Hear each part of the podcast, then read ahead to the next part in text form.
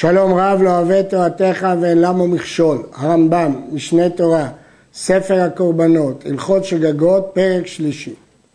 מי שהעידו עליו עדים שחטא חטא שחייבים עליו חטאת קבועה ולא יתרו בו, אלא אמרו אנו ראינוך שעשית מלאכה בשבת או שאכלת חלב. והוא אומר, אני יודע בוודאי שלא עשיתי דבר זה, אינו חייב חטאת. מחלוקת רבי מאיר וחכמים במשנה והרמב"ם פוסק שהאדם יכול להכחיש את העדים והוא לא חייב חטאת. למה? הרי יש שני עדים. הואיל ואם יאמר מזיד הייתי ייפטר מן הקורבן, כשאמר להם לא אכלתי ולא עשיתי, נעשה כאומר לא אכלתי בשגגה אלא בזדון, שהוא פטור מן הקורבן, ולא הכחיש את העדים. כן הרמב"ם כאן נוקט שההסבר הוא, מה אם ירצה לומר מזיד הייתי, ייפטר. אם הוא היה אומר, לא אכלתי, שוגג, אבל אכלתי מזיד, הוא היה נפטר.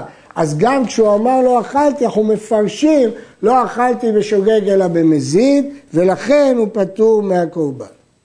בפירוש המשנה, הרמב"ם מזכיר טעם, או הודע אליו חטאתו, ולא שיודעו אחרים. אדם אחראי על עצמו לגבי קורבן חטאת. אבל פה הרמב"ם אומר שהנימוק הוא מדין מיגו. לכן הטעם של הרמב"ם הוא מדין מיגו, שאם ירצה לומר מזיד הייתי, היה פטור. שתק ולא הפליג את העד. אם הוא לא הכחיש את העד, אמנם הרמב"ם בהלכה הקודמת דיבר על העדים, ויש גרסה פה ברמב"ם, שתק ולא הפליג את העדים.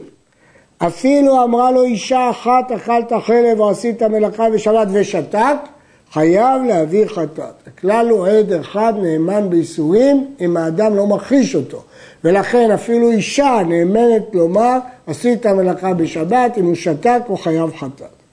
אמר לו עד אחד, חלב הוא זה, ושתק.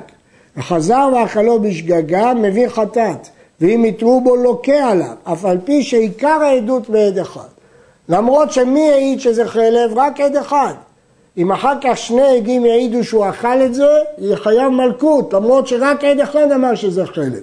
מדוע? כי האיסור בעד אחד יוחזק. כיוון שעד אחד אמר שזה חלב ואתה שתקת, זה נקבע, זה הוחזק כאילו זה חלב. עכשיו אם יש עדים, שני עדים שאכלת, שיתרו בך, אתה חייב מלכות. זאת שיטת הרמב"ם.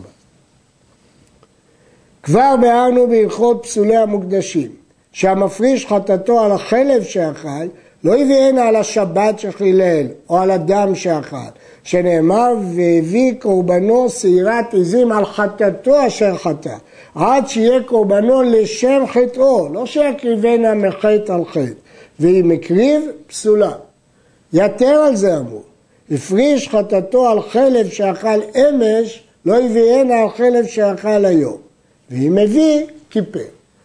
כלומר, יש שני דינים. אם הוא משנה מאיסור לאיסור, מאיסור חלב לאיסור דם, גם בדיעבד הקורבן פסול.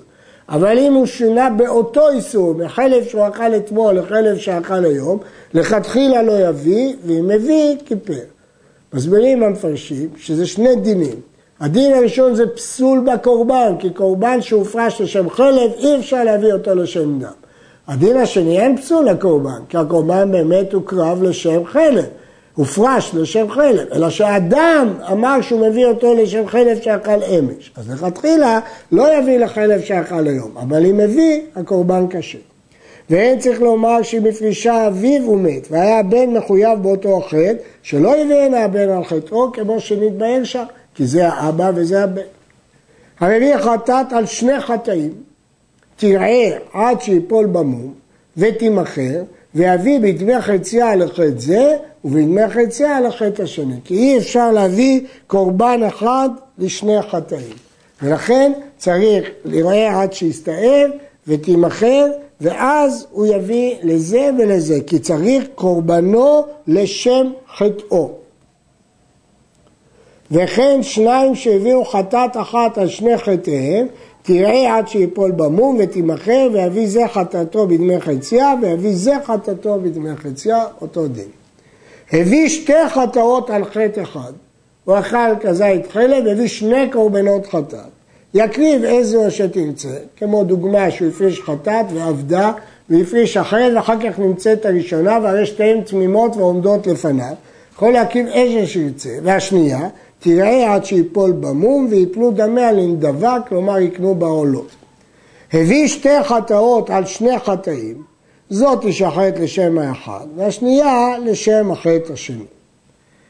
כבר ביארנו בהלכות מעשה הקורבנות שהמשומד לעבודה זרה או לחלל שבת בפרהסיה מומר אין מקבלים ממנו קורבן כלל והמשומד לעבירה משאר עבירות אין מקבלים ממנו חטאת על אותו החטא מומר לחלל שבת או לעבודה זרה בכלל אי אפשר לקבל ממנו קורבנות אבל מומר לעבירה מסוימת אז על אותה עבירה לא מקבלים מדוע? כי גם אם היה נודע לו היה עושה את העבירה, אז מה שייך להביא עליה קורבן? כיצד? משומד לאכול חלב, שאכל חלב בשגגה והעביר חטאתו, אין מקבלים ממנו עד שיחזור בתשובה, כי הוא מומר לאכילת חלב. אפילו היה משומד לאכול נבלה לתיאבון, ונתחלף לו חלב בשומן ואכלו והביא קורבן, אין מקבלים ממנו. שמי שאכל בזדון בין להכריז בין לתיאבון, הרי הוא משומד. אז גם אם עכשיו יתחלף לו חלב בשומן, זה לא משנה, כי הרי הוא אוכל נבלה לתיאבון. היה משומד לאכול חלב ושגג ואכל דם, מקבלים ממנו כמו שביארנו. למה? כי חלב ודם זה שני דברים שונים. אז זה שהוא משומד לאכול חלב, זה לא נוגע כלום לגבי אכילת דם. יש תנא קמא שחולק, שחולק, שסובר שגם בחלב ודם אי אפשר, אבל הלכה אה, לא כך. מי ששגג והפריש חטאתו ואחר כך נשתמד וחזר בתשובה או נשתתה וחזר ונשתפה, נהיה שפוי אף על פי שנדחה הקורבן בינתיים, היה שלב שהקורבן לא ראוי לקורבן כשהוא היה מומר או כשהיה שותה, הרי חזר ונראה, אפשר להקריב אותו, שאין בעלי חיים נדחים. לא אומרים כיוון שזה נדחה זה נדחה, כי בבעל חיים לא אומרים את זה. כמו שבאנו בהלכות פסולי המוקדשים. זאת מחלוקת בגמרא והרמב"ם פוסק כשיטת רב. לפיכך יקריבנה עצמה, וכשם שהוא נולד בו מום עובר ונתרפא יחזור לכשרותו, כך אם נדחו הבעלים וחזרו ונראו, יקרב, כי אין בעלי חיים נדחים. יש להעיר שבכלל הזה שאין בעלי חיים נדחים ישנן כמה סתירות בדברי הרמב"ם שהאחרונים עסקו בהם בהרחבה וישבו אותם, אבל ברור ששיטת הרמב"ם שאין בעלי חיים נדחים. חייבי החטאות והאשמות ודאים שעבר עליהם יום הכיפורים, חייבים להביא לאחר יום הכיפורים. וחייבי האשמות תלויים, פטורים, שנאמר מכל חטאותיכם לפני השם תתארו. כך למדו מפי השמועה, שכל חטא שאין מכיר בו אלא השם, מכל חטאותיכם לפני השם, נתכפר לו, תטהרו. כלומר, אשם תלוי, מתכפר ביום הכיפורים, והוא לא צריך להביא את זה אחר הכיפורים.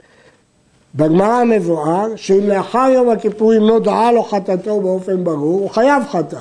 כל מה שאמרנו שהוא פטור מאשם תלוי. לפיכך מי שבא לידו ספק עבירה ביום הכיפורים, אפילו עם חשיכה, כמה רגעים לפני צאת היום, פטור. מהשם תלוי, שכל היום מכפר, כלומר הרגע האחרון של יום הכיפורים מכפר. נמצאת תלמד שאין מבין על לא הודעה של יום הכיפורים השם תלוי, אלא אם כן לא כיפר לו יום הכיפורים כמו שהתבהר.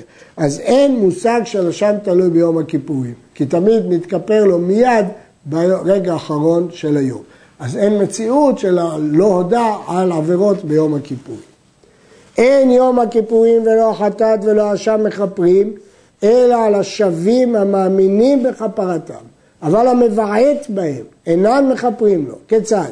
היה מבעט והביא חטאתו אשמו, והוא אומר, המחשב בליבו שאין אלו מכפרים לו. אף על פי שקברו כמצוותן, לא נתכפר לו. כשיחזור בתשובה מבעיטתו, צריך להביא חטאתו ואשמו. למרות שהוא הביא חטאת ואשם כשרים כמצוותם. כיוון שליבו היה שזה לא מועיל ולא מכפר ולא מציל, אז זה באמת לא הועיל. ואז אם הוא חוזר בתשובה הוא צריך להביא עוד חטא. וכן המבעט ביום הכיפורים, הוא לא מאמין שיום הכיפורים מכפר. אין יום הכיפורים מכפר עליו. לפיכך, אם יתחייב באשם תלוי ועבר עליו יום הכיפורים והוא מבעט בו, הרי זה לא נתכפר לו. וכשיחזור בתשובה אחרי יום הכיפורים, חייב להביא כל אשם תלוי שהיה חייב. כל השמות שבתורה מעכבין את הכפרה, חוץ מהשם נזיר, ספק נזיר וספק מחוסרי כפרה וספק סוטה, כולם מביאים קורבנותיהם אחר יום הכיפורים. מדוע? מכיוון שהקורבנות שלהם לא באו לשם כפרה על חטא, שיום הכיפורים יכפר, אלא באו כדי שינוי המצב, להתיר בקודשים. הרמב"ם בספר המצוות מסביר שנזיר, מחוסרי כפרה, סוטה, כל אלה מביאים קורבן כדי להתיר אותם בקודשים. לכן הם מביאים את הקורבנות אחר יום הכיפורים. מי שהוא מחויב חטאת אשם, והרי הוא יוצא להרג מבית דין, אם היה זבחו זבוח, משהין אותו עד שיזרק הדם, ואחר כך ייהרג, כדי שיתכפר לו לפני שיהרג. ואם עדיין לא נשחט, אין משהין אותו עד שיקריבו עליו. למה? יש הנחה שאסור להשהות דין מי שיוצא להרג. לכן לא משהים אותו עד שיקריבו עליו. עד כאן.